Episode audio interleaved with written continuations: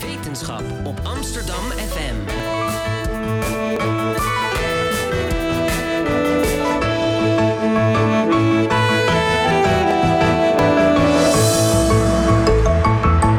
Radio Swammerdam. Goedemorgen en welkom bij een nieuwe aflevering van Radio Swammerdam, het wetenschapsprogramma van Amsterdam FM en natuurlijk uw favoriete wetenschapspodcast.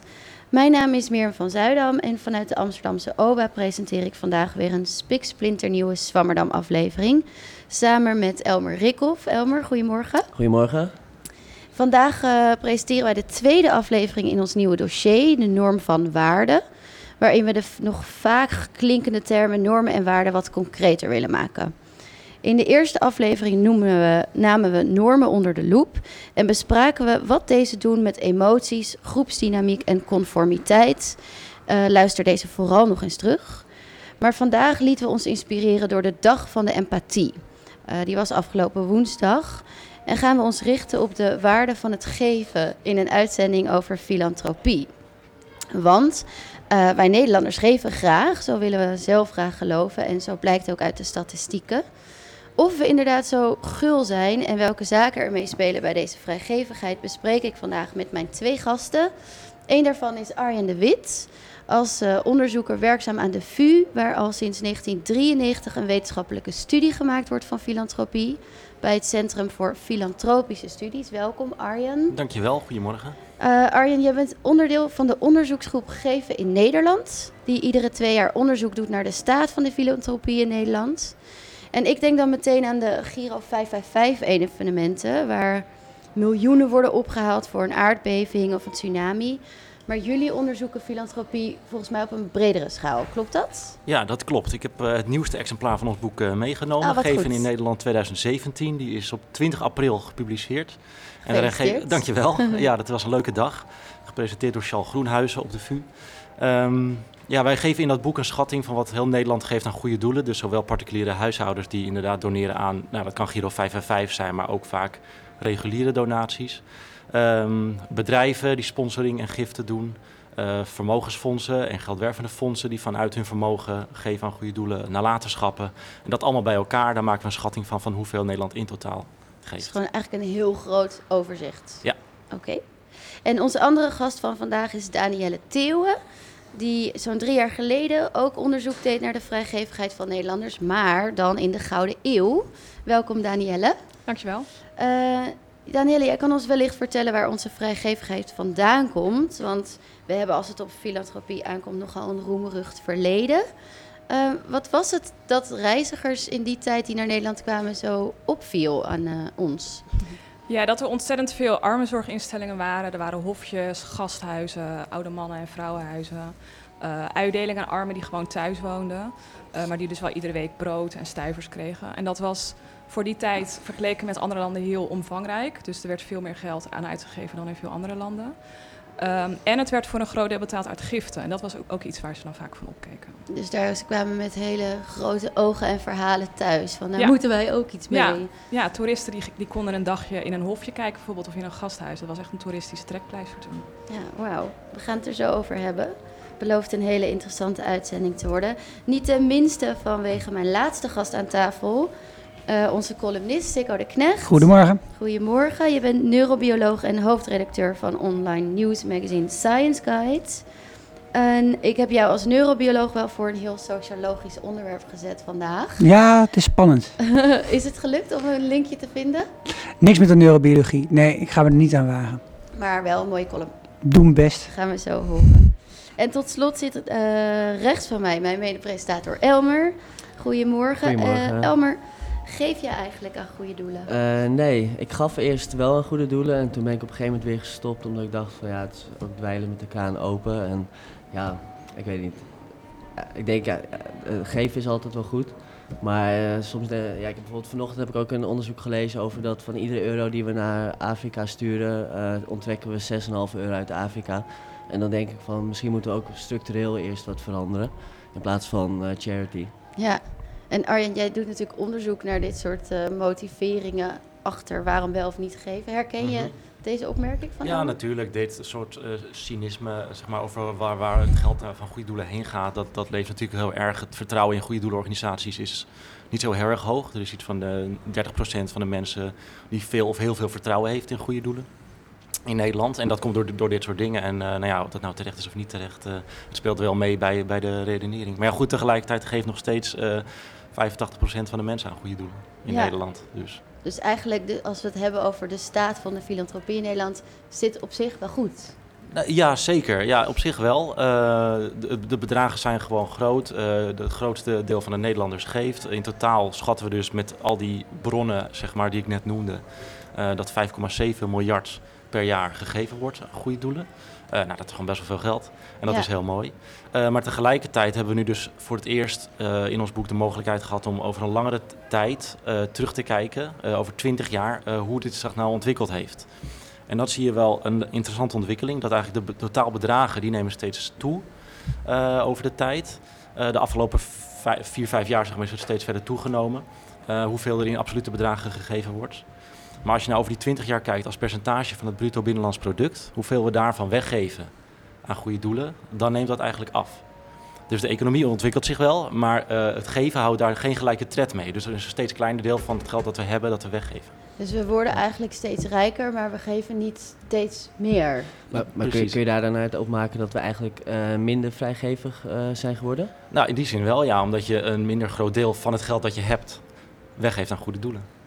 Oh. Ja. En hoe zit dat dan verdeeld over de bevolking? Geven we arme mensen ook minder? Of zijn er tegenwoordig meer mensen die eigenlijk niet rijk genoeg zijn om te geven? Ja, dat is een goede vraag. Eh, als je ook weer kijkt naar eh, hoeveel. Kijk, natuurlijk geven rijke mensen, vermogende mensen meer dan, dan, dan arme mensen. Ja, Eh, maar als je kijkt naar het percentage van het inkomen dat mensen weggeven, zie je dat armere mensen relatief genereuzer zijn. Ze geven een groter percentage van hun inkomen weg.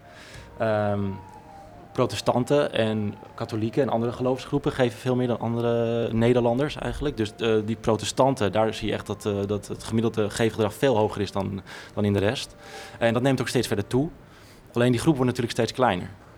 En dat is wel een probleem als je kijkt naar de toekomst van de, van de filantropie. De ontkerkelijking in Nederland zorgt er eigenlijk voor dat, we, dat er een minder grote groep heel vrijgevig is. Precies, dus het, het, het komt steeds verder samen in een soort kern van relatief oude, eh, bijvoorbeeld protestante Nederlanders, die, die een heel groot deel van het bedrag eh, eh, geven eigenlijk.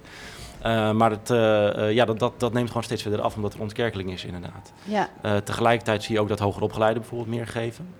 En daarvan komen er steeds meer, dus dat compenseert het een klein beetje. Maar, maar, is dat over, de in gehele, verhouding of... nee, over de gehele deler neemt het dus langzaam af. Ja, dus Ja. we moeten of gewoon nog meer mensen hoog opleiden... of gewoon nog meer mensen motiveren om te geven. Of gewoon meer gaan geven, inderdaad. Maar eh, kijk, goede doelenorganisaties, fondsenwervers kunnen er ook wat aan doen natuurlijk. En dat is een Ja. andere ontwikkeling die we constateren. Dat eh, de fondsenwerving steeds minder mensen bereikt. En dat hoor je ook van, van, van, eh, van fondsenwervende instellingen. Kijk, van deur tot deur met de collectebus langs gaan. Ja, dat doen ze nog wel, maar dat, dat is gewoon een beetje uit de tijd. Dat haalt gewoon niet zoveel meer op. Steeds meer mensen geven ook niet als ze gevraagd worden om te geven. Eh, dus dat is een ander probleem en een andere oorzaak ook waarschijnlijk van die, die afname van het relatieve Ja. geefgedrag. Want voordat we daar nog iets verder Mhm. op induiken... eh, jullie hebben ook acht mechanismen vastgesteld... van waarom mensen eigenlijk geven. Dus die geefgedrag kunnen verklaren. Of tenminste, dat heeft een collega van jou Ja, eh, ontwikkeld. Kun je daar iets over vertellen, die acht mechanismen? Ja, dat, is, eh, eh, dat komt uit een literatuuroverzicht dat René Becker samen met Pamela Wiepking hebben gemaakt. Een aantal jaar geleden. En dat, eh, eh, daar onderscheiden ze eigenlijk in alle literatuur, alle studies die er zijn over filantropie, onderscheiden zij acht mechanismen waarom, waarom er gegeven wordt. En dat is echt, heeft zich een beetje ontwikkeld tot een soort standaardwerk van dat, dat, zijn, dat zijn acht mo- motieven of acht mechanismen achter het geefgedrag. Eh, dat zijn, ik zal ze opnoemen. Eh, ten eerste moet er een, moet er een behoefte zijn om, om aan te geven. En mensen moeten ook weten dat die behoefte er is. Ten tweede gevraagd worden om een donatie. Veel mensen geven pas als ze daarom gevraagd worden. Ja, Eigenlijk. Eh, ten derde kosten en opbrengsten. Dus eh, als jouw gift eh, relatief goedkoper wordt, bijvoorbeeld omdat je de giftenaftrek in de inkomstenbelasting kunt gebruiken, dan gaan mensen meer geven. Altruïsme, dus je geeft omdat je iemand anders wil helpen. ja. Reputatie, dus je geeft ook omdat je zelf naar anderen toe een, een betere, betere reputatie wil geven. Zes is psychologische opbrengsten, dus je krijgt er zelf ook een beter gevoel van als je, als je geeft. Je geeft vanuit je waarde, dus je geeft vaak aan een organisatie of een, in, of een doel eh, wat past bij, bij de waarden die jij in je leven hebt.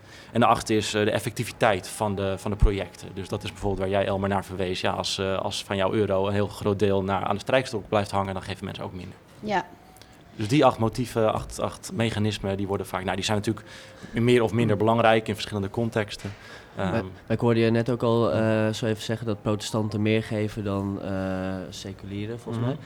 Eh, zit ook een duidelijke connectie tussen verschillende ideologieën en hoeveel mensen geven? Bijvoorbeeld als je echt een neoliberalist bent, eh, geef je dan meer of minder? Ja, en dan geef je misschien ook weer aan andere soort doelen. Dus eh, ja, kijk, in alle geloofsgroepen zie je dat er meer gegeven wordt. In alle grote geloven op de wereld zit eigenlijk wel een component van altruïsme. Ook, weet je, ook in het boeddhisme, in islam. Moslims geven ook heel erg veel. En dat gaat dan weer heel, vaak heel erg direct naar armenzorg en dat soort dingen. Dus ja, dat, daar zie je wel verschillen in. Mhm. En schuldgevoel, staat die nog in het lijstje? Of moet die ergens onder gevoel Schuld, worden? schuldgevoel, dat, val, ja, dat valt misschien onder de psychologische opbrengsten. Dat als jij eh, je schuldgevoel wil afkopen, dat doe je ook voor jezelf natuurlijk. Ja. Ja, Eh, dat is iets vaak bij, bij die Giro beter van wordt. 555 dingen is Ja. het combineer je iets heel grappigs met daarna iets heel zieligs. Dat je eigenlijk, oh, oh. En dan hè, je hebt een schuldgevoel en dan, nou, dan Ja. maken we 5 euro over, weet je wel. Ja, soms is het zelfs een beetje wrang, vind ik. Hoe eh, bijvoorbeeld ook met die tsunami. Dat was gewoon, was gewoon een soort feest van, eh, van, eh, van geven. En hoera, het, het totaalbedrag is dit. Terwijl je vergeet je bijna dat het om, gewoon om, om, Ja. om zoveel slachtoffers Het gaat. gaat allemaal door mensen Dus. Ja. Soms wordt het een beetje... eh, ja die. Giro 555 evenementen hebben altijd een soort van... Gewoon ook überhaupt dat je dus een, een ramp gaat promoten bijna. Ja. Maar het moet dus blijkbaar, want een van de mechanismen is dus wel dat er dus gevraagd moet worden of je wat wil geven. ja, en mensen volgen elkaar ook. Hè. Dus als je weet dat anderen veel geven. Dus als dat totaalbedrag genoemd wordt en wordt steeds hoger. En je ziet steeds dat er allemaal telefoontjes binnenkomen op Ja. tv. eh, dat die allemaal, door allemaal bekende Nederlanders worden aangenomen. Dan, dan motiveert dat ook weer om, om zelf te geven. Ja, dan is er meer soort sociale druk om daar eh, aan mee te doen. Ja, mensen zijn toch kuddedieren. En die acht mechanismen, want eh, Nederland is een van de meest vrijgevige landen van de wereld, toch? Mag ik dat zeggen? Nou, de Verenigde Staten zijn het meest vrijgevige land ter wereld. Maar eh, als je kijkt bijvoorbeeld binnen Europa, dan doet Nederland het heel goed. Ja. ja. En, zijn die acht mechanismen in Nederland dan bijvoorbeeld beter georganiseerd dan in andere landen? Ja, dat is een goede vraag eigenlijk. Want inderdaad, bijvoorbeeld eh, de, hoe professioneel de fondswerving is, dat verschilt wel heel erg tussen landen. Dat maakt wel heel veel uit. En dat, dat kan ook bijvoorbeeld wel één reden zijn waarom, waarom het in de VS zo, zo goed gaat. Daar, daar, is echt, er zijn er gewoon professionele media eh, die echt alleen maar over filantropie gaan. Er zijn eh fondsenwervingsopleidingen. Eh, in elke staat is wel een, een aparte philan- philanthropic studies afdeling. En, en dat is in Nederland niet zo ver ontwikkeld als in Amerika, maar, misschien wel meer dan in de andere Europese landen. Ja. Maar jullie hebben bij vrijgevigheid, hebben jullie voornamelijk gekeken naar hoeveel mensen echt eh, doneren? Of Mhm. kijk, kijken jullie bijvoorbeeld ook naar eh, hoeveel vluchtelingen neemt een land op? Eh, dat is natuurlijk ook een vorm van vrij, vrijgevigheid. Ja, zeker. Dat, dat is interessant om, om naar te kijken. En wij, wij kijken in ons boek ook wel naar vrijwilligerswerk sowieso. Maar dat kan je niet echt in geld uit. Ja, kan je wel proberen in geld uit te drukken, maar wij zijn er niet zo fan van om dat in geld uit te drukken. Ehm, in mijn dissertatie kijk ik naar de verhouding tussen wat de overheid doet in een land en eh, hoeveel mensen geven aan goede doelen. Dus dat is wel een manier om, eh, eh, om te kijken. Ja, want ik, ik las toevallig vanochtend dat Oega- Oeganda is een van de armste landen in de wereld. Mhm. En die heeft een miljoen vluchtelingen opgenomen volgens mij. En die geven alle vluchtelingen na twee weken een stuk land en Ja. wat spullen om, om een leven op te bouwen. Ja, dacht ik, ja, en dan doen wij in Nederland zo moeilijk over een paar duizend vluchtelingen. Ja, goed, ja, inderdaad. Dat kan je ook een vorm van vrijgevigheid noemen. En hij heeft Oeganda misschien ook meer land weg te geven dan Nederland nog, nog over heeft, zeg maar. Ja. Ja, zou interessant zijn om naar te kijken. Hypothese voor, eh, voor onderzoek. Ja, Eh, ja, voor, voordat we daar nog verder over praten, wilde ik eigenlijk nog even naar een fragment gaan.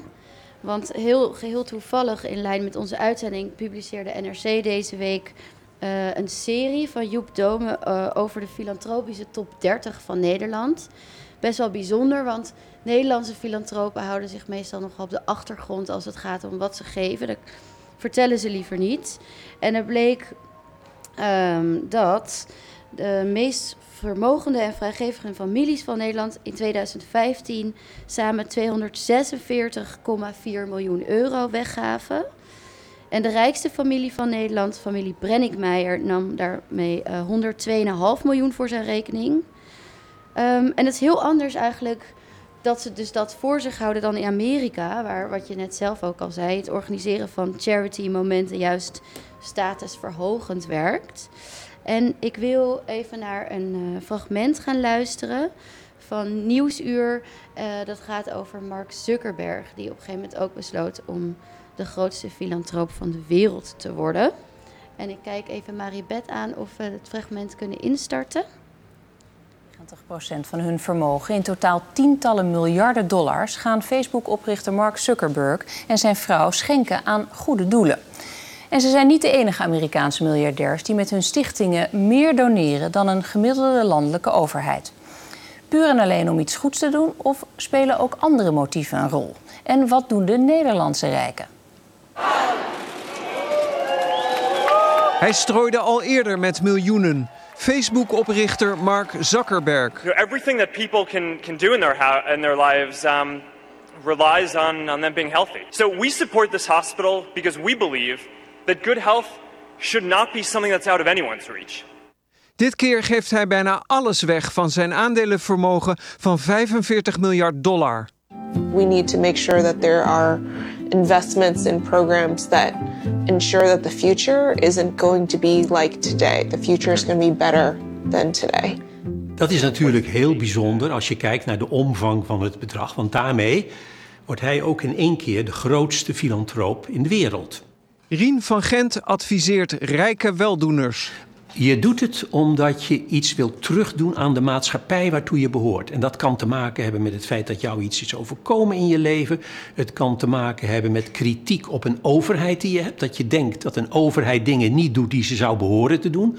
Goed voorbeeld daarvan is Ted Turner van CNN, die op een bepaald moment zei: Ik word zo gefrustreerd door het feit dat mijn land, de Verenigde Staten, haar bijdrage aan de Verenigde Naties niet betaalt. Als zij het niet doen, dan doe ik het. En die heeft de UN laatste uh, hoorden we Rien van Gent. Die sprak namens het Vereniging Fondsen Nederland. En redenen gaf eigenlijk voor de rijken om te geven. En hij spreekt over uh, statuur, iets wat in Amerika dus heel uh, belangrijk is. En overheidskritiek. Van als de overheid niet geeft wat ik, aan wat ik belangrijk vind, dan doe ik het zelf wel. Is dat iets wat ook bij de Nederlandse rijken een rol speelt, Arjen? Ja, dat laatste is dus de hypothese van mijn dissertatieonderzoek. Uh, dat mensen zouden geven omdat ze denken de overheid doet het niet. Dan ga ik het wel doen. Ja. Um, en wat ik daarin vind is dat in Nederland zien we daar eigenlijk heel weinig bewijs voor. Uh, het, het, de hypothese en ook de, de, uh, de, studies die het wel deels bewijzen, komen vooral uit Amerika. Uh, dus het zou kunnen dat het daar inderdaad dat gevoel iets sterker leeft. Amerikanen zouden zich misschien iets meer bewust zijn van, van dat de overheid dingen doet met belastinggeld. En daardoor ook misschien wat makkelijker in dat gat springen eigenlijk. Maar goed, ook in Nederland kan het wel in een bepaalde context wel voorkomen. En, en, inderdaad, juist bij die heel vermogende, de grote gevers, is dat misschien iets waarschijnlijker. Dat zij gaten gaan opvullen die de overheid achterlaat. Bijvoorbeeld de afgelopen jaren is natuurlijk veel bezuinigd op cultuur. Dat misschien bij, bij Prins Bernhard Cultuurfonds of kleinere fondsen op het gebied van cultuur, dat, dat die instituten of, of musea of, of instellingen gaan, gaan supporten die, die, die voorheen overheidssubsidie kregen. Ja, en, en wat is volgens jou de reden dat Nederlandse rijken niet op de voorgrond treden om te vertellen waaraan ze geven en hoeveel? Um, ja, dat is een uh, grote vraag. ik bedoel, dat, is, dat iets, zit waarschijnlijk in onze volksaard of in de Nederlandse cultuur. Um, en ik vind het aan de ene kant heel mooi dat je bescheiden bent en dat je het niet laat weten. Uh, bijvoorbeeld ook de, de, de mensen van TomTom, Tom, die, uh, die stonden ook in die lijst van 30 ja. uh, grote filantropen. Die, die staan erom bekend dat ze echt het helemaal niet in de publiciteit willen hebben.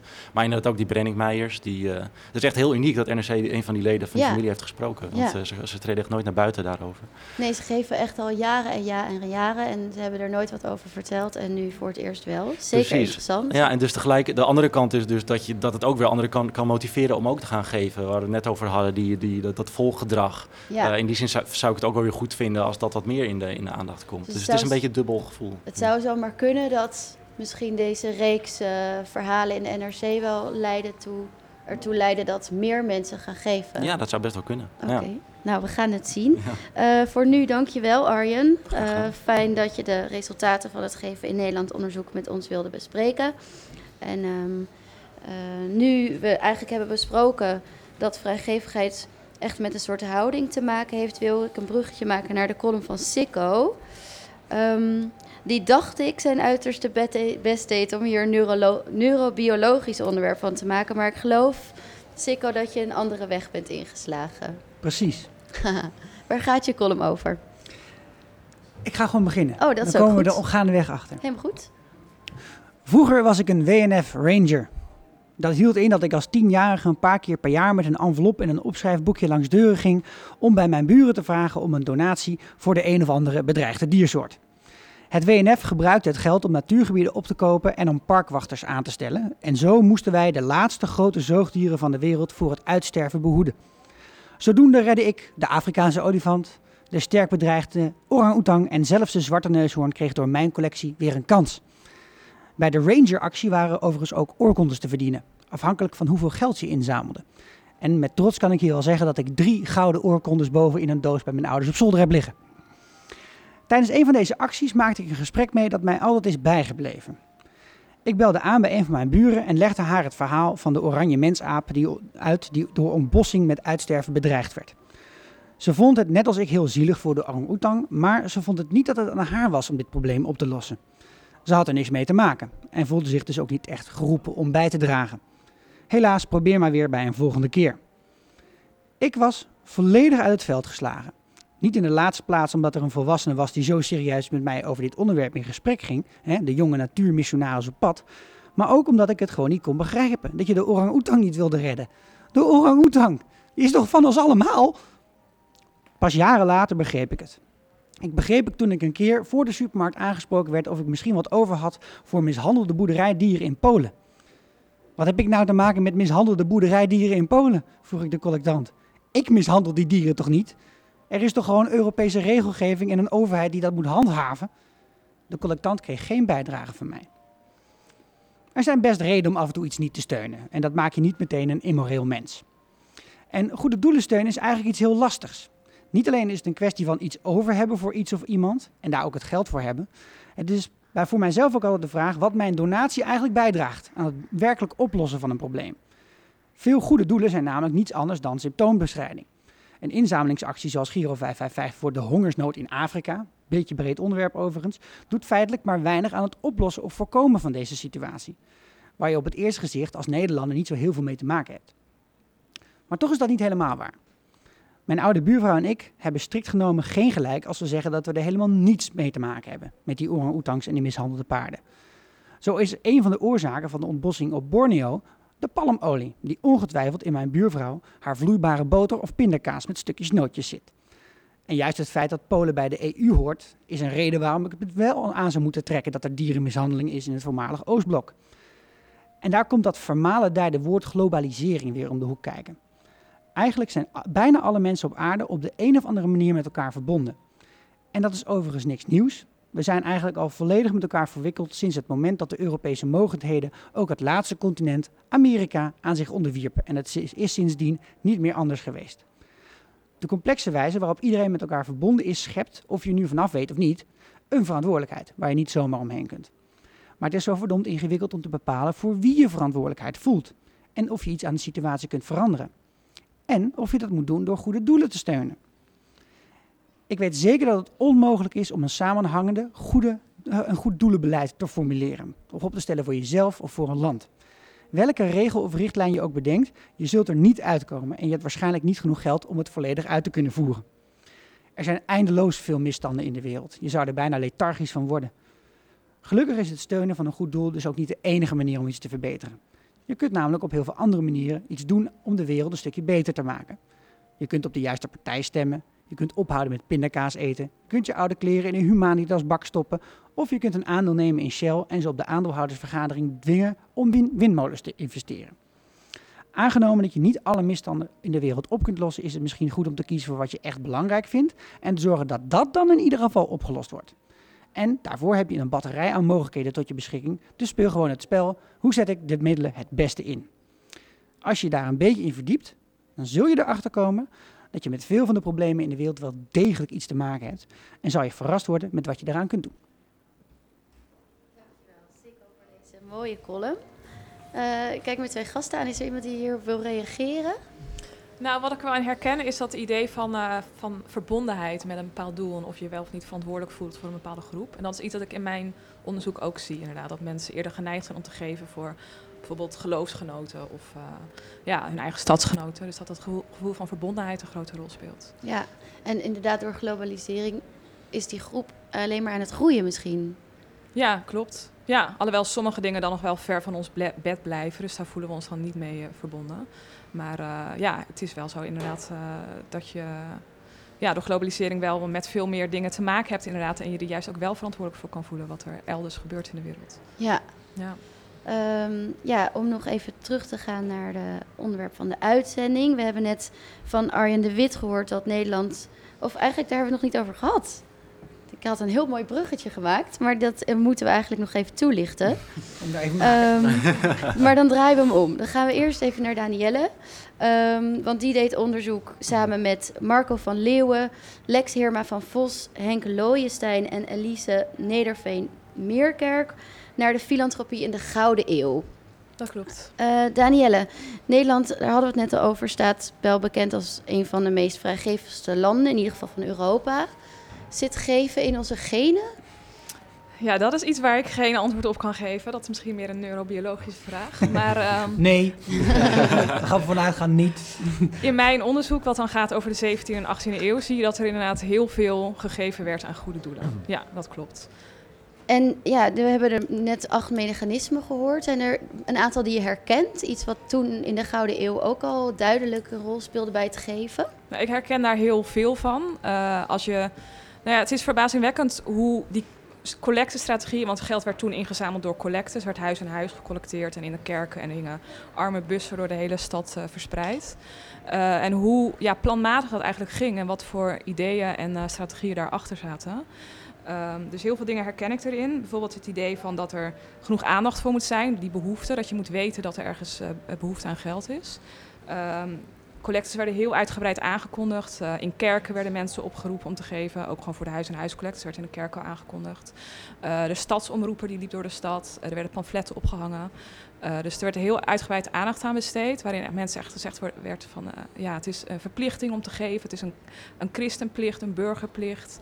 Ehm, als je niet kan geven, als je er niet bent... moet je je buren vragen om te geven.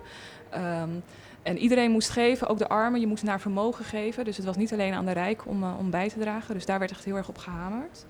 Um, wat je ook ziet is inderdaad het belang van gevraagd worden. Want uh, er werden iedere week wel uh, verschillende huis- en huiscollectes georganiseerd. En iedere kerkdienst werd er ge gecollecteerd.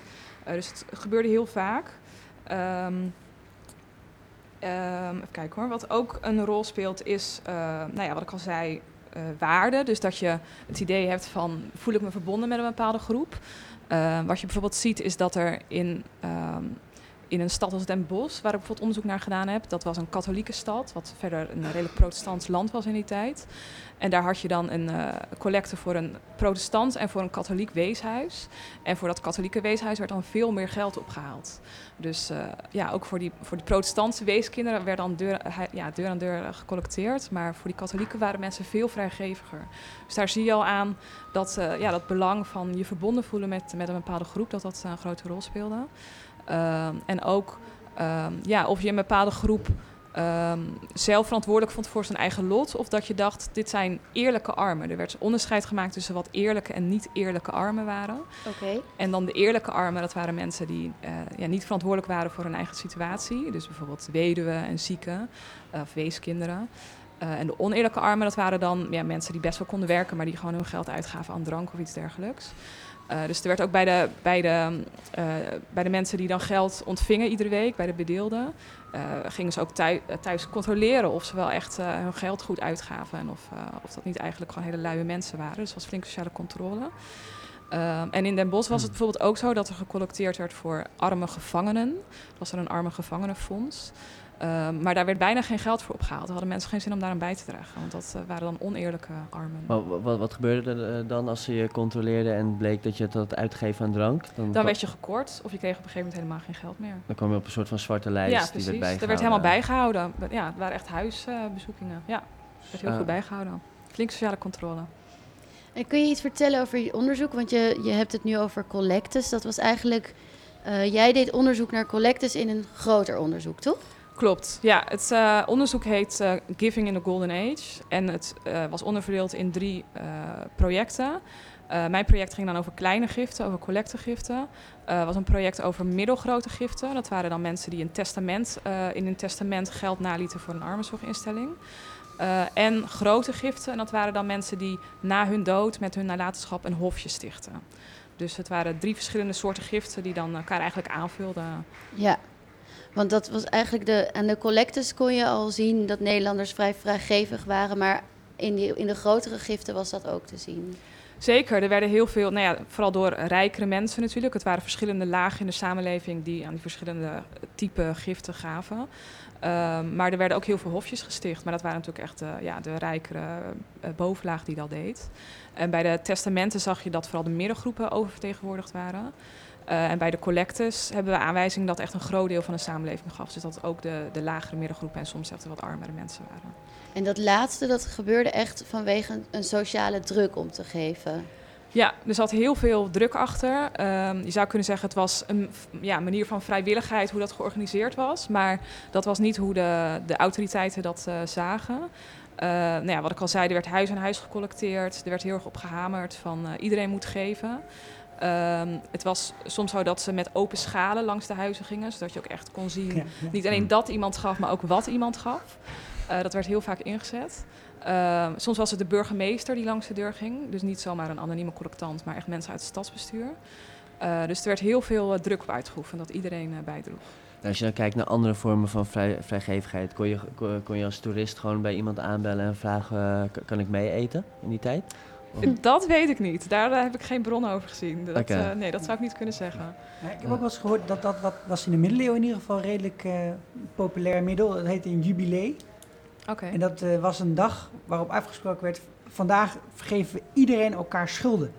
Ah. Dus dan had zo'n samenleving natuurlijk iedereen een beetje een dubbele boekhouding van nou, hè, die heeft nog twee appels van mij geleend een keer en et cetera.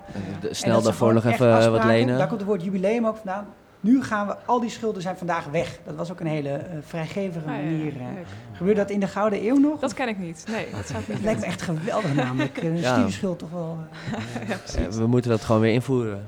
Ja. Daar heb, je, daar heb je persoonlijk belang bij, of niet? Nou ja, hebben we allemaal belang bij natuurlijk. In 2008 hadden we dat moeten doen met de bankaire crisis. Ja, Oké, okay, nou dan laat zitten iedereen zijn hypotheek ja, vergeten. we opnieuw beginnen. Ja, hup, ja. opnieuw. Ja.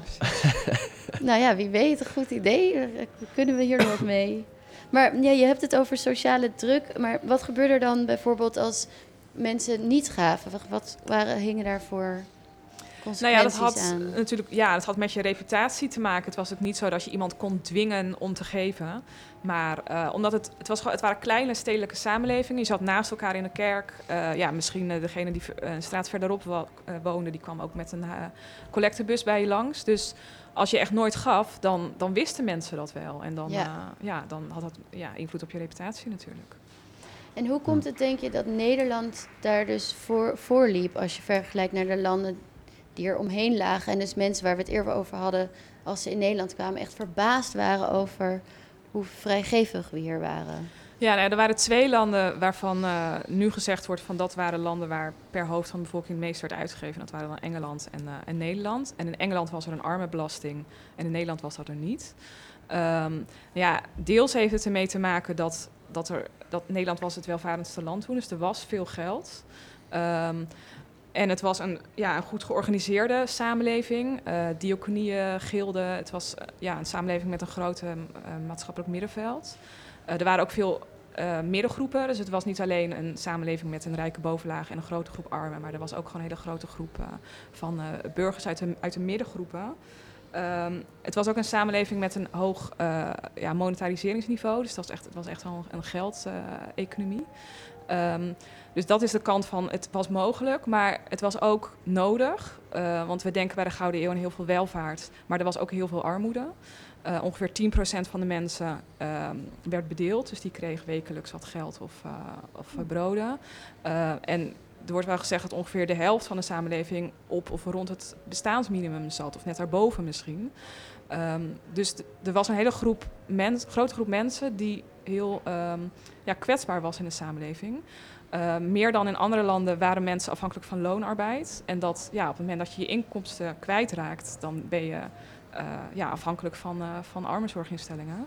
Um, dus er waren eigenlijk veel eerlijke armen. Ja, zeker. Ja, er was uh, grote vraag uh, naar, naar zorg inderdaad. En mensen zagen dat ook als een gemeenschappelijke plicht om daar met elkaar voor te zorgen. Um, en daarnaast was het zo dat anders dan in bijvoorbeeld Zuid-Europese landen waar je als uh, ouder mensen bij je kinderen in ging wonen, was het in, in Nederland toen al zo dat het eigenlijk heel erg um, ja, verzakelijkt was eigenlijk. Dus als kind hoefde je niet per se je ouders in huis te nemen, maar kon je dus naar een armenzorginstelling en die zou dan ja, uh, jou opnemen of wekelijks wat geld geven. En dat deden ze ook als, als je kinderen had die ook voor je zouden kunnen zorgen. Het was niet een verplichting van kinderen om voor je ouders te zorgen.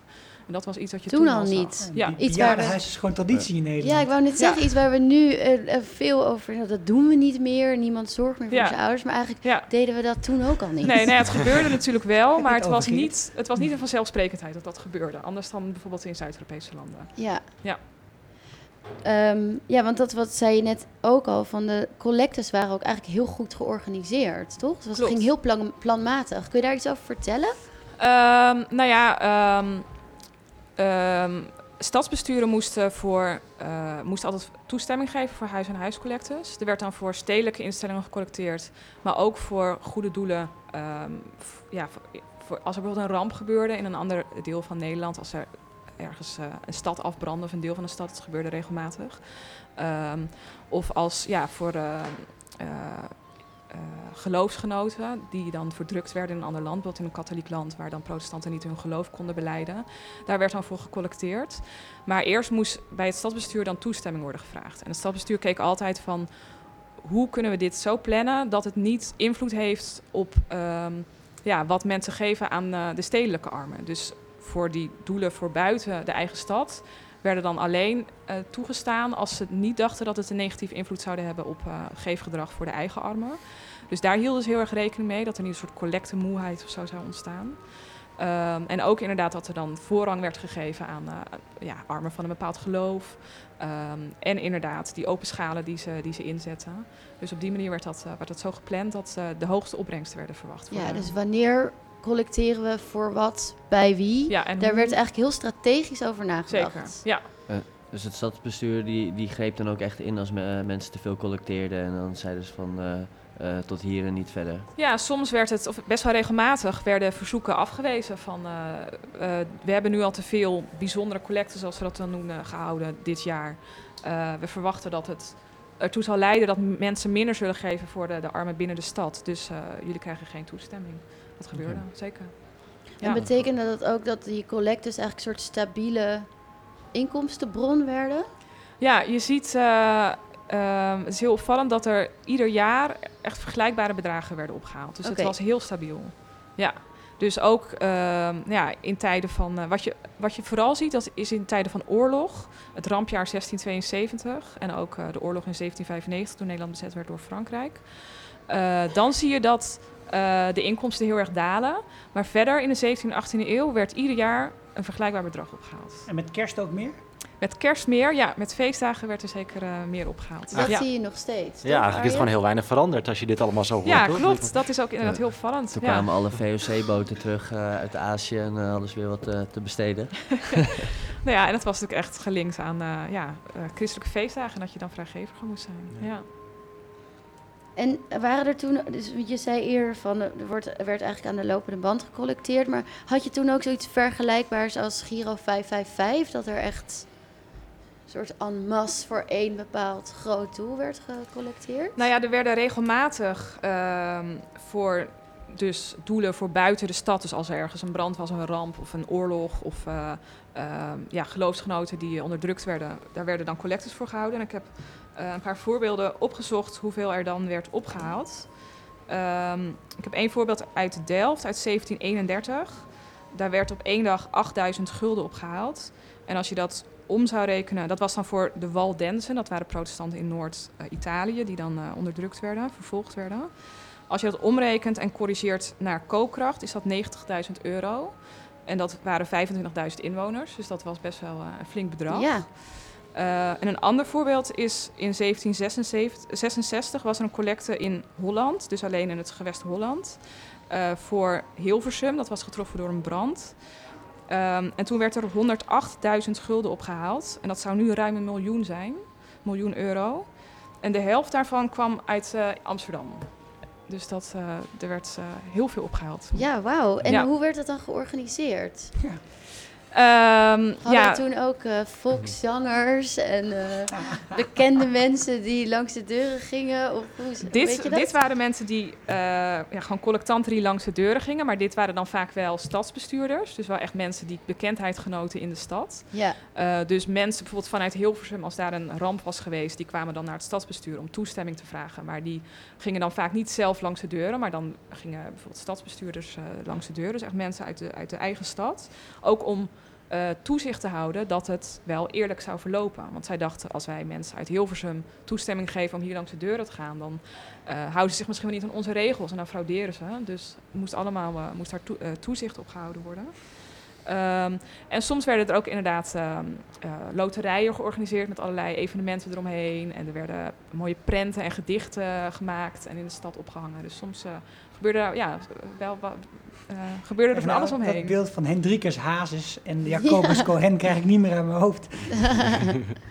nee, maar dat is echt wel opvallend. Want uh, als je dus, we kunnen in deze uitzending heel goed een vergelijking maken met hoe het nu gaat en hoe het in de Gouden Eeuw ging. En eigenlijk uh, is heel veel onveranderd gebleven, als ik het zo hoor. Ja, zeker. De, de, de, de manier van collecteren en het gebruik maken van uh, celebrities om het een beetje op te poetsen. En ja. uh, er is nu nog steeds heel veel discussie over toezicht houden in de filantropische sector.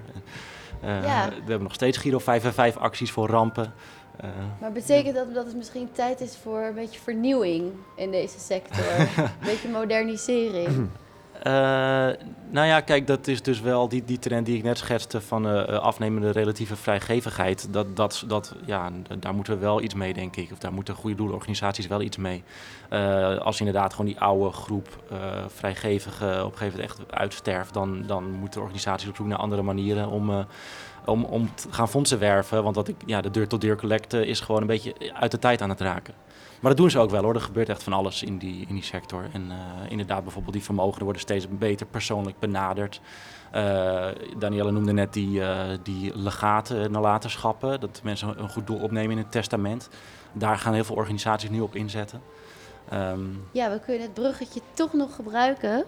Want uh, ja, er wordt nu gesproken van dat we toegaan naar een nieuwe gouden eeuw, maar dan een gouden eeuw van de filantropie. De gouden eeuw van de filantropie, ja. Ook dat begrip komt weer uit Amerika, maar dat hebben mijn professoren Theo Schuiter en René Bekkers een beetje overgenomen. Uh, het idee is dat je nu de babyboom generatie hebt waar vrij veel vermogen is opgebouwd en die nu zo langzamerhand richting hun, hun einde gaan. en als die allemaal goede doelen gaan opnemen in hun testament, wat nu ook wel wat populairder wordt, dan komt er dus heel veel geld vrij voor, voor goede doelen organisaties. En uh, daar wordt heel veel op ingezet. Dus het, het, dat, dat zouden, zouden we op een gegeven moment moeten gaan zien in de cijfers. En inderdaad zie je dat die nalatenschappen, uh, het totaalbedrag wat daaruit uh, wordt opgehaald elk jaar, langzaam aan het toenemen is.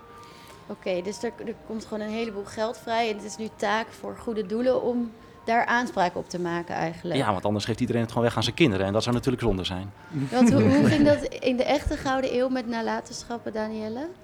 Um, Nee, dat was dus een onderzoek van een collega van mij. Uh, wat onder andere daaruit kwam, was dat mensen zonder kinderen uh, vaker iets nalieten met het, bij een testament dan mensen die wel kinderen hadden. Dus dat, dat de, over, de, ja, de kinderlozen waren oververtegenwoordigd in die groep. En uh, ja, meerdere groepen waren dat vooral die dat deden. En wat rijkere mensen. Ja, ja dat ja. is ook nog steeds zo. Dat ja. is ook nog steeds zo? Ja. Oké. Okay. En um, um, ja, ik, wat, wat, ik vroeg het eigenlijk net al van de fondsenwerving is misschien een beetje verouderd. Ik dacht, misschien kunnen we wat iets nieuws verzinnen. Van wat kunnen we nou doen om die nalatenschappen, de nieuwe gouden eeuw die eraan komt, om, daar, om die daar de goede doelen te krijgen? Maar wat zou jou overtuigen? Ja, ik denk als bijvoorbeeld al die bedrijven zoals Brenningmeijer, als die uh, geld weggeven, denk van als jij je producten laat maken in arme landen, geeft die mensen gewoon een, een, goed loon. Dat ze daar zelf iets op kunnen bouwen. Ik denk, ik denk dat je daar veel verder mee komt dan, uh, dan charity. Ja. Dus ik denk dat we veel meer die richting op moeten kijken. Hoe kunnen we zorgen dat arme landen eh, ook wel welvarender worden? Ja. Ja. Eh, Eh, dat is een beetje waar ik ook op hinten in mijn column. Kijk, eh, het is heel fijn om, eh, om, om wat geld over te maken als er een ramp is geweest eh, in Soudaan. Maar het is uiteindelijk natuurlijk ook de vraag: waarom wonen die mensen daar? Waarom kunnen ze nergens anders heen? Eh, waarom, eh, zit er de, waarom, hè, waarom als er een, een, een overstroming is in Bangladesh, is een halve stad weg? Ja, gewoon omdat die mensen daar een levensstandaard hebben van likmenvestje. En dat Ja. houden wij in stand. Precies door de kledingindustrie die wij hebben vanuit Nederland, van de Brenningmeijertjes en de anderen. Je geeft die mensen gewoon absoluut niets om op te leven. En ondertussen is het hun hun enige inkomsten. Dus het is een, een vorm Ja. van hele moderne slavernij. Die je hebt eh, geïnstitutionaliseerd, waardoor mensen 17 verdieping hoge eh, kledingfabrieken moeten bouwen. Daar zou je wat aan kunnen doen als je het onrecht in de wereld wil bestrijden. Dat is misschien niet hè, het allerbeste om een fosterparent kind te nemen. Kun je misschien Ja. wat directer ingrijpen op de Ja, levensstandaard. nee, daar ben ik het helemaal mee eens, eh Sico, wat, wat je ook in je column zei. Je- binnen de, de bedrijvensector hoor je wel steeds meer dat ze hier aandacht aan gaan besteden. Maar dat is natuurlijk altijd een beetje de vraag in hoeverre dat woorden zijn of dat bedrijven dat ook echt steeds duurzamer gaan doen. Ja. Want je hebt natuurlijk bedrijfsfilantropie, maar uiteindelijk is het veel belangrijker hoe je hoe je, je geld hebt eh, verdiend en of dat op een duurzame Ja. manier eh, is gebeurd. En ik zie ook- in mijn omgeving wel veel mensen die de mond vol hebben van een betere wereld, maar dan wel gewoon winkelen bij de Primark, waarvan je gewoon weet dat het, eh, dat het een heel groot risico heeft op, Ja. op kinderarbeid en, en slechte omstandigheden. En ja, je noemde palmolie. Ik denk inderdaad dat gewoon een meer inclusief idee van wat we kunnen doen, inclusief duurzaam consumeren, Ja. eh, wel een toekomst heeft. Ja, en Bill Gates, eh, Bill en Melinda hebben natuurlijk een heel grote charity, doen echt goede dingen. Open, open access science eh, zijn ze mee bezig. Ze, ze, ze geven geld aan mensen die malaria onderzoeken op een gunstige manier, weet je. Dat, dat doen ze heel goed. Maar ja, ze kunnen ook gewoon heel Afrika gewoon Windows gratis geven en stuur wat computers op. er zijn heel veel dingen die je kunt doen. eh, die, en bij, de, bij ook die lijst met filantropen, ik weet niet hoe, ik heb het artikel ook gelezen, maar veel van die hele rijke families geven dan inderdaad veel geld weg. Maar waar geven ze geld aan weg? Aan een museum. Om weer een of ander fucking dure Damien Hirst van de ene naar de andere collectie te verhuizen. Dan denk ik ook van ja, jongens. En de Passion las ik. De Brenningmeijers hebben de Passion De Passion, ja. ja. Ja, ze hebben natuurlijk heel sterk die katholieke achtergrond. Maar goed, Ja, ik vind het een beetje, natuurlijk. je moet ook niet, het moet is niet ook een beetje op makkelijk gaan om- bashen. Nee, dat snap ik Het ook. is ook een beetje makkelijk om te zeggen, je mag het wel eh, en of niet daaraan geven. Nee, ik bedoel, dat is juist je eigen vrijheid. En ook het mooie van de filan- filantropie, dat het zo'n zo'n diversiteit aan doelen kan, kan ondersteunen. Maar, maar goed. Nou, Maar en... eh, sorry, Amber. Ja, ik denk wel, als je het hebt over de toekomst van eh, filantropie, dan is dat misschien wel iets om over na te denken van hoe kunnen we iets structureels eh, veranderen. En eh, ja, ik ben best wel bereid om, om daaraan mee te werken. Ja, in die zin ben ik best wel idealistisch. Ja, dus da- daar, daar ligt, ligt denk ik wel toekomst. Ja, het lastige is natuurlijk dat, je, dat het heel moeilijk te zien is hoe je structurele oplossingen kan bereiken. De- Ja, de impactmetingen, daar is nu ook veel meer aandacht voor in de, in de goede doelensector. Maar dat is ook heel moeilijk te meten vaak. Ja, van een medicijn kun je nog wel een soort eh, randomized control trial doen en zien welke medicijn het beste werkt.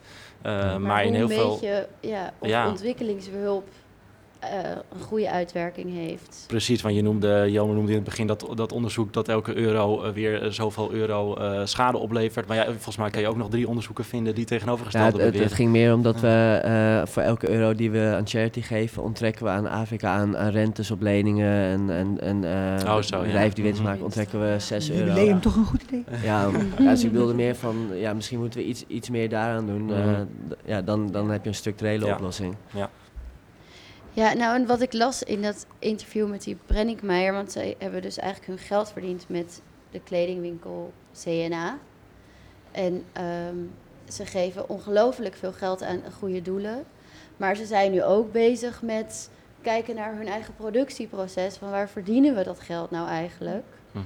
En ehm, dat er als zo'n kledingbedrijf in Bangladesh daar een, een ramp gebeurt. Daar hebben ze dus nu ook wel ervoor gezorgd dat ze de kinderen die daar hun ouders zijn verloren, tot hun achttiende levensjaar financieel ondersteunen. Dus je ziet volgens mij ook bij bedrijven, bij die grote gevers wel een soort omslag. Van we moeten niet alleen maar kijken naar wat kunnen we geven, maar ook naar hoe kunnen we de ongelijkheid in de wereld voorkomen. Of in ieder geval Ja.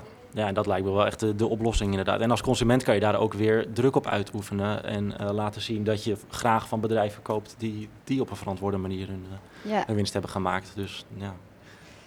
En eh, het, nog, het geven in Nederland onderzoek is eigenlijk best uniek, toch? Want alleen in de VS wordt een soortgelijk grootschalig onderzoek uitgevoerd. Ja.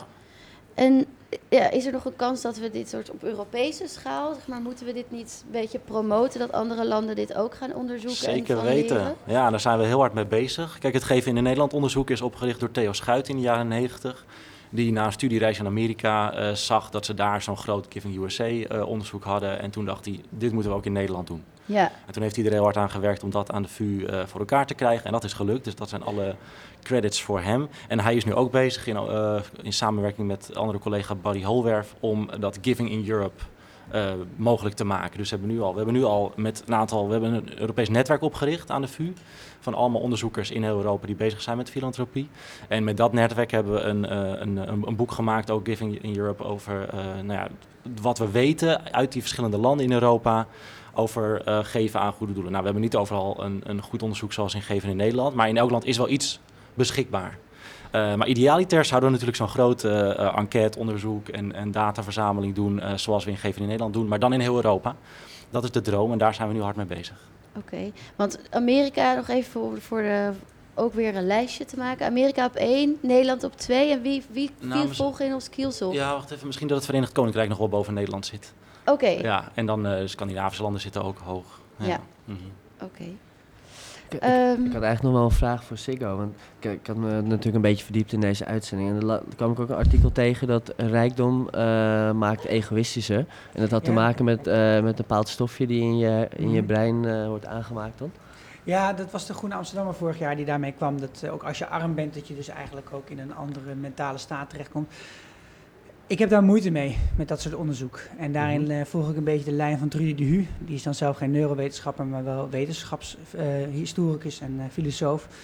Dat, eh, dat zijn vaak onderzoeken waar inderdaad wel... er is een conditie waarin iemand zit... en er is een correlaat met iets wat er in dat persoon aan de hand is. Mhm. Maar zoals Trudy heel leuk zei volgens mij, volgens mij vorige week in de Volkskrant, zei ja, je zult er vast ook achter komen dat de darmen van een ander, persoon net even wat anders eh, opgesteld zijn dan van een rijk persoon. En Ja. om altijd alles maar, als je iets vindt op een scan in de hersenen, dan te zeggen, nou, en dat is dus het, dat vind ik het mooie, iedereen zegt al het neuro- neurale correlaat. Nou, dat is ook wel precies wat het is. Het is een correlaat en het zegt gewoon niet zo erg veel. Het heeft vooral ook geen causale, causale verbindenis die aangetoond is. Dat je bijvoorbeeld met minder dopamine ook armer zou worden of dat soort dingen. Dus ik vind het leuk, maar ik expres ook mijn column er niet aan gewaagd, omdat ik dat soort onderzoek eigenlijk eh, niet zo verantwoord vind.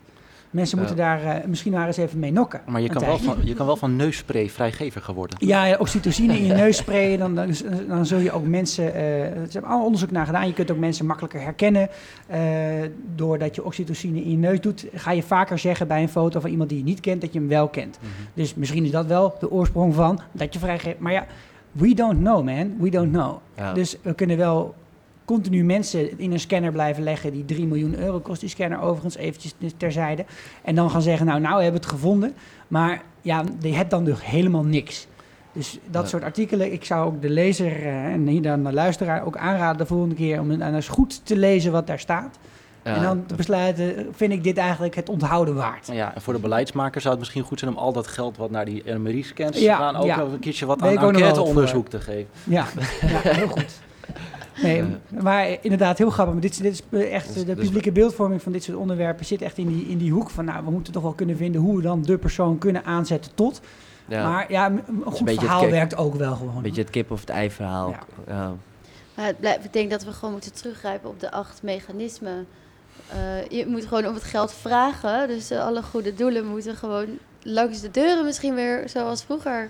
Met een open schaal. Met een open schaal, ja. Ja, je hebt de nu wel dat, burgemeester. die, die, die chipkaart, hè? Dat was laatst een idee. Dat vond ik nog wel geinig. Dat je in een jas kun je een soort van eh, chip receiver stoppen. En dan kan iemand zijn eh, contactloos betalen pas tegen iemands eh, borst aanhouden. En dan kun je geld overmaken. Omdat de mensen helemaal geen geld meer bij zich hebben tegenwoordig. Dus je kan wel met zo'n ding gaan lopen rinkelen, maar niemand gooit daar geld in. Maar dan kun je gewoon een straatkrantverkoper kun je gewoon 2,50 euro Ah. geven door Ja. van pats op zijn... Ja, eh, precies. Oh, ik dacht, ik heb dat ook wel gezien. Maar ik dacht dat je, je wees op je borsten van, oh, misschien dat je borst dicht bij je hart is. Oh, nee. Ik dacht, oh, er zit weer een hele strategie achter. Maar Ja, het, het idee, het daarachter was, ja, het idee daarachter was ook dat, eh, dat eh, het niet die, eh, zeg maar de, het, het gaat op de, re- de rekening van een organisatie dan die dat geld beheert voor die, eh, voor die daklozen. Ja, ja. Dus ze kunnen het niet uit gaan geven aan drugs. Nee. Eh, omdat ze het alleen dan kunnen uitgeven aan eh, het leger des Heils om te slapen bijvoorbeeld. Ah, dus dat, dan weet je ook een meteen Ja. zeker dat het goed besteed wordt. Ja, dus dat- Ja. Een beetje belerend misschien. Nou, er wordt dus toch, toch, het is zo verouderd zijn de collectes dan misschien toch ook weer niet. Nou, er wordt natuurlijk nog steeds geld mee opgehaald. Ja. Ja, voldoende. Hmm, nooit- het is Is- nooit voldoende, ja, het, is het. Ja, er, maar- er zijn altijd dingen in de wereld waar we geld in kunnen geven. Dus in die zin is de, de nood oneindig. Oké, nou laten we, laten we daarmee afsluiten. Ehm, het was de, een, een heel, heel interessant gesprek van onze tweede aflevering in ons dossier Norm van Waarde. eh, waarin we de filosofie achter de filantropie onder de loep namen. Eh, heel hartelijk dank ik mijn gasten, Arjen de Wit en Danielle Theeuwen, vanwege hun kennis en inzicht hierover. Ik kijk heel erg uit naar de nieuwe eeuw van de filosofie en Europees onderzoek, waar we misschien veel meer van kunnen leren. En ook wil ik onze vaste columnist Sibo Knecht bedanken eh, voor een eh, hele intrigerende column. En natuurlijk mijn charmante collega Elmer Rikhoff, die misschien nu wel toch weer gaat geven aan goede doelen. Ik denk het wel. Mijn 5 euro die ligt al op tafel. Ehm, en ook wil ik de technicus van deze week bedanken. Die deze live-uitzending weer op vakkundige wijze in goede banen wist te leiden. Dankjewel, Mariebeth van Egmond. En volgende week hebben we weer een nieuwe uitzending. Die alles zo te maken zal hebben met de Franse verkiezingen. Die vanavond tot de spannende uitslag zal leiden. Eh, Luc en Henk zullen de Franse politieke geschiedenis induiken in een nieuwe aflevering in ons dossier Revolutie. En tenslotte wil ik graag alle luisteraars bedanken. Mocht u nieuwsgierig zijn geworden naar onze andere dossiers en afleveringen, abonneer u dan op onze podcast Radio Zwammerdam. Subscriben kan via de iTunes Store, Soundcloud of waar je dan ook je podcast luistert. Zo hoef je nooit meer, nooit meer de wekker te zetten om onze uitzending live om 11 uur te horen. En heb je elke week een kerstverse Zwammerdam podcast. En ehm, ja, dus nu weer een nieuwe aanvulling op ons dossier Norm van Waarde.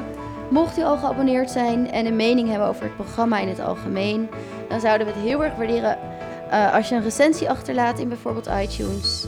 Was u het niet eens of heeft u tips of vragen, surf dan naar onze prachtige vernieuwde website of stuur een mailtje. Maar het leukst blijft natuurlijk als je live langskomt in de studio op zondagochtend. Mijn naam was Mirjam van Zuidam. Dit was Radio Swammerdam. En ik wens u nog een hele fijne zondag.